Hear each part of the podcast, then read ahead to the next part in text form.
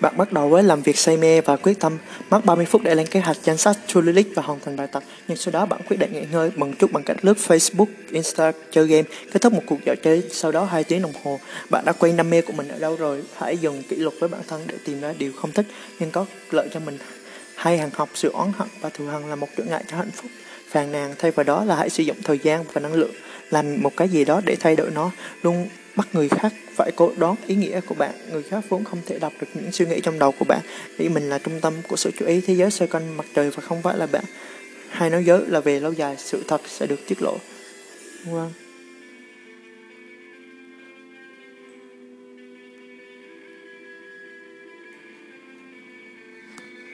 Hãy tập thở đều, nói lớn hơn, điều chỉnh nhịp thở phù hợp, thở sâu chậm rãi. Bạn cũng nên tập cho mình giọng nói lớn hơn vì giọng nói nó sẽ chẳng ai nghe bạn nói gì khiến người khác nghĩ bạn là một người không tự tin chăm sóc ngoại hình. Hãy làm những gì mình thích không ngừng học hỏi.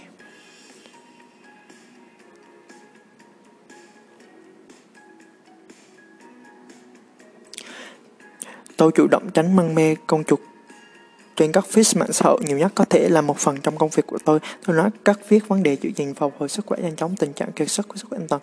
Tôi đã học các nghiên cứu chỉ rằng việc dành thời gian cho các feed mạng xã hội gia tăng trầm cảm, sự đố kỵ và giảm hạnh phúc. Điều này đã thúc đẩy tôi sử dụng mạng xã hội một cách cân nhắc hơn, đặc biệt là chọn những thứ tôi xem và giảm đến mức tối thiểu. Tôi hầu như thường xuyên cảm thấy hối hận khi lời nó đi và trượt dài trên con trục. tôi sẽ không nào tránh được việc nhìn thấy những thứ khiến mình cảm thấy tồi tệ hay ghen tức về bản thân hay cuộc đời mình những thứ mình sẽ không có khi người khác có. Tôi đăng một bài cái bẫy cho sự so sánh trên Facebook và một người lớn tuổi đã bình luận khiến tôi thật sự đau lòng. Việc đọc những bài viết về các kỳ nghĩ của người khác đang giết chết tôi, nó chưa bao giờ tồn tại trong quỹ tài chính cá nhân. Những bài đăng kiểu này thì không bao giờ dừng lại cả. Tăng nhận thức và tránh các tác nhân kích thích. Nhìn nhận tình huống khiến bạn bắt đầu trò chơi so sánh. Mạng xã hội như tôi đã đề cập là một vấn đề lớn với các hầu hết mọi người.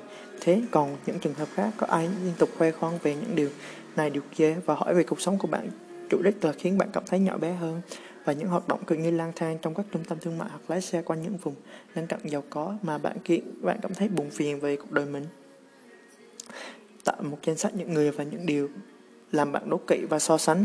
Viết ra đó ảnh hưởng tiêu cực đến bạn như thế nào, tại sao nó lại lãng phí thời gian giải quyết vấn đề cách nhắc nhở bản thân rằng bề ngoài những gì mà người khác có thể hiện ra bề ngoài không được so sánh bằng những giá trị bên trong của bạn nhắc lại, tiền không mua được hạnh phúc và sẽ chẳng bao giờ.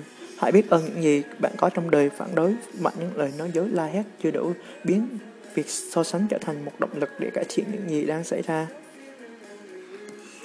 con hư tại mẹ là sai và cả nguyên do gây áp lực.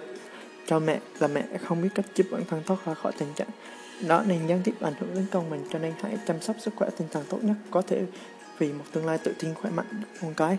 Những web dữ liệu hay có thuốc có thể giúp giảm nỗi sợ sợ lắng. Hãy dùng thực phẩm để thành một chế độ dinh dưỡng chống lại lo lắng.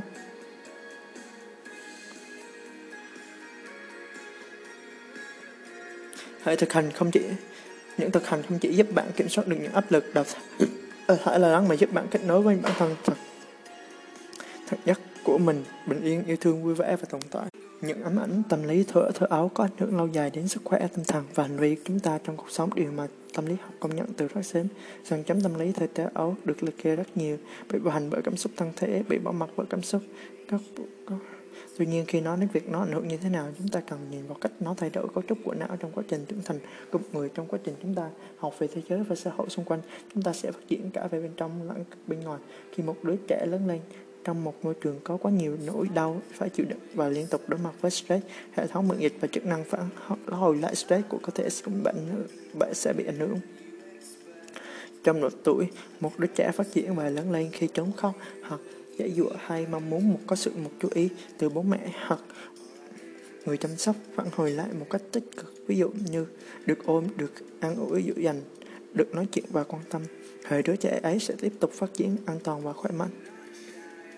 Tuy nhiên, một khi sự kết nối của đứa trẻ cùng người chăm sóc không có phản hồi tích cực, nếu không nhận được sự có mặt hay sự quan tâm của những neuron thần kinh trong não sẽ không được kết nối theo cách mạnh mẽ và đúng hướng mà não của con người cần có. Việc này dẫn đến sự ảnh hưởng về lâu dài tâm tâm lý và cảm xúc của một đứa trẻ khi trưởng thành. Việc hệ thống lại phản hồi lại stress và não bị ảnh hưởng có thể giải thích như sau khi đứa trẻ luôn không đạt được cảm xúc chúng cần từ bố mẹ khi lớn lên, cơ thể của chúng có thể tự động kích hoạt lại các cơ quan thần kinh trong não và chiến đấu với stress ngay cả khi nó không phải là tình huống nguy hiểm.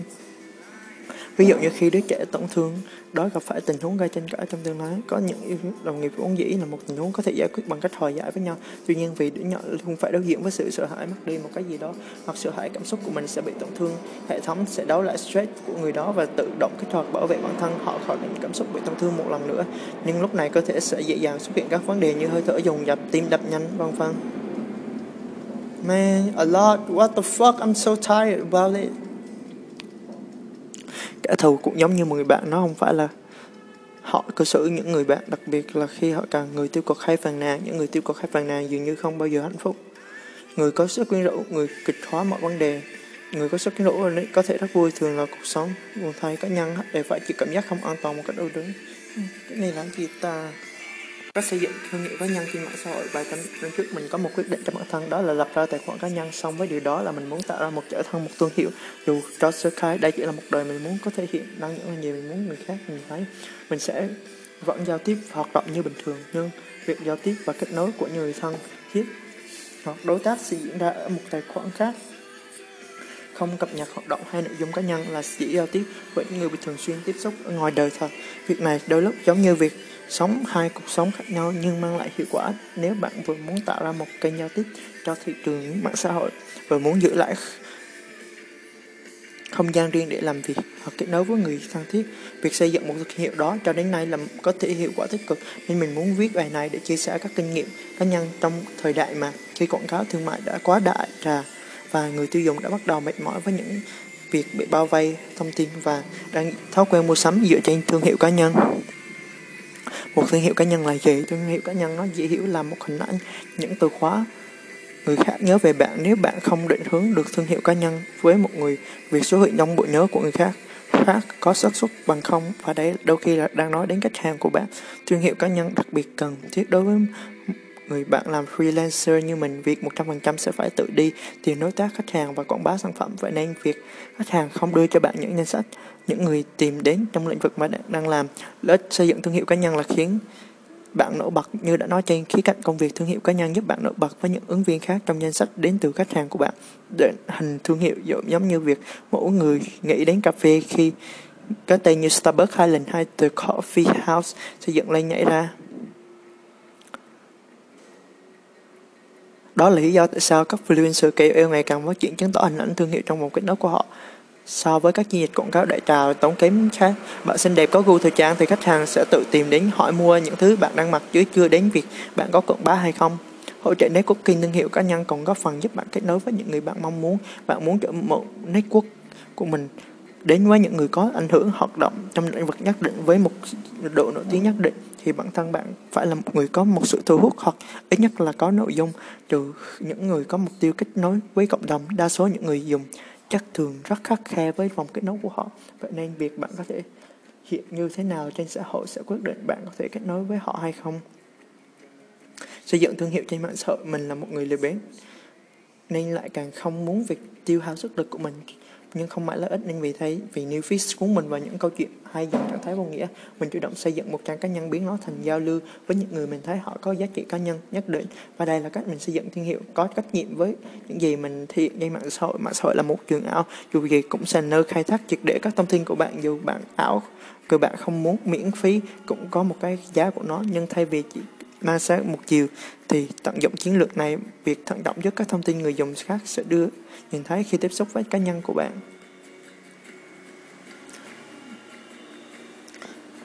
Nếu bạn may mắn có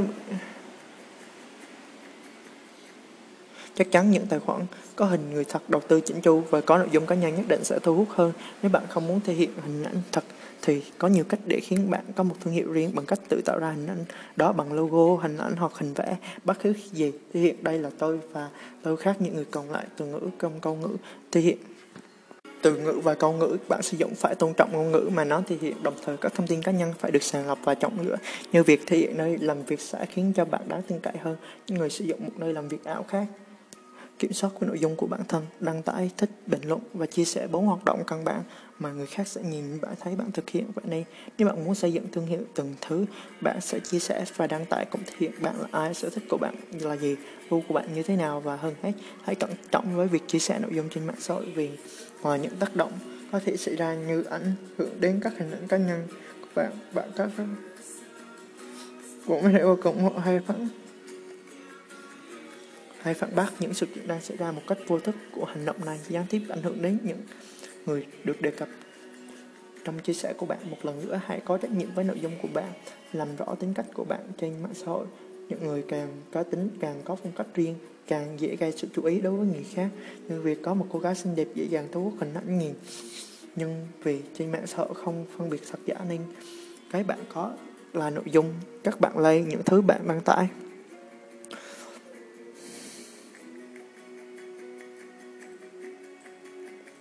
Cách bạn like những thứ hai giọng điệu bạn bình luận giao tiếp quyết định bạn là ai và người khác nhìn thấy như thế nào.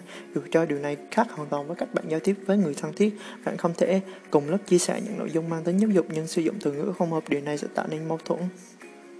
Và cuối cùng là hãy trung thực dù cho mạng xã là ảo nhưng rồi bạn sẽ phải duy trì lâu dài và tiếp xúc ngoài đời thật nếu điều đó có liên quan đến công việc nên dù cho có sống ảo cũng đừng quên bản chất thật.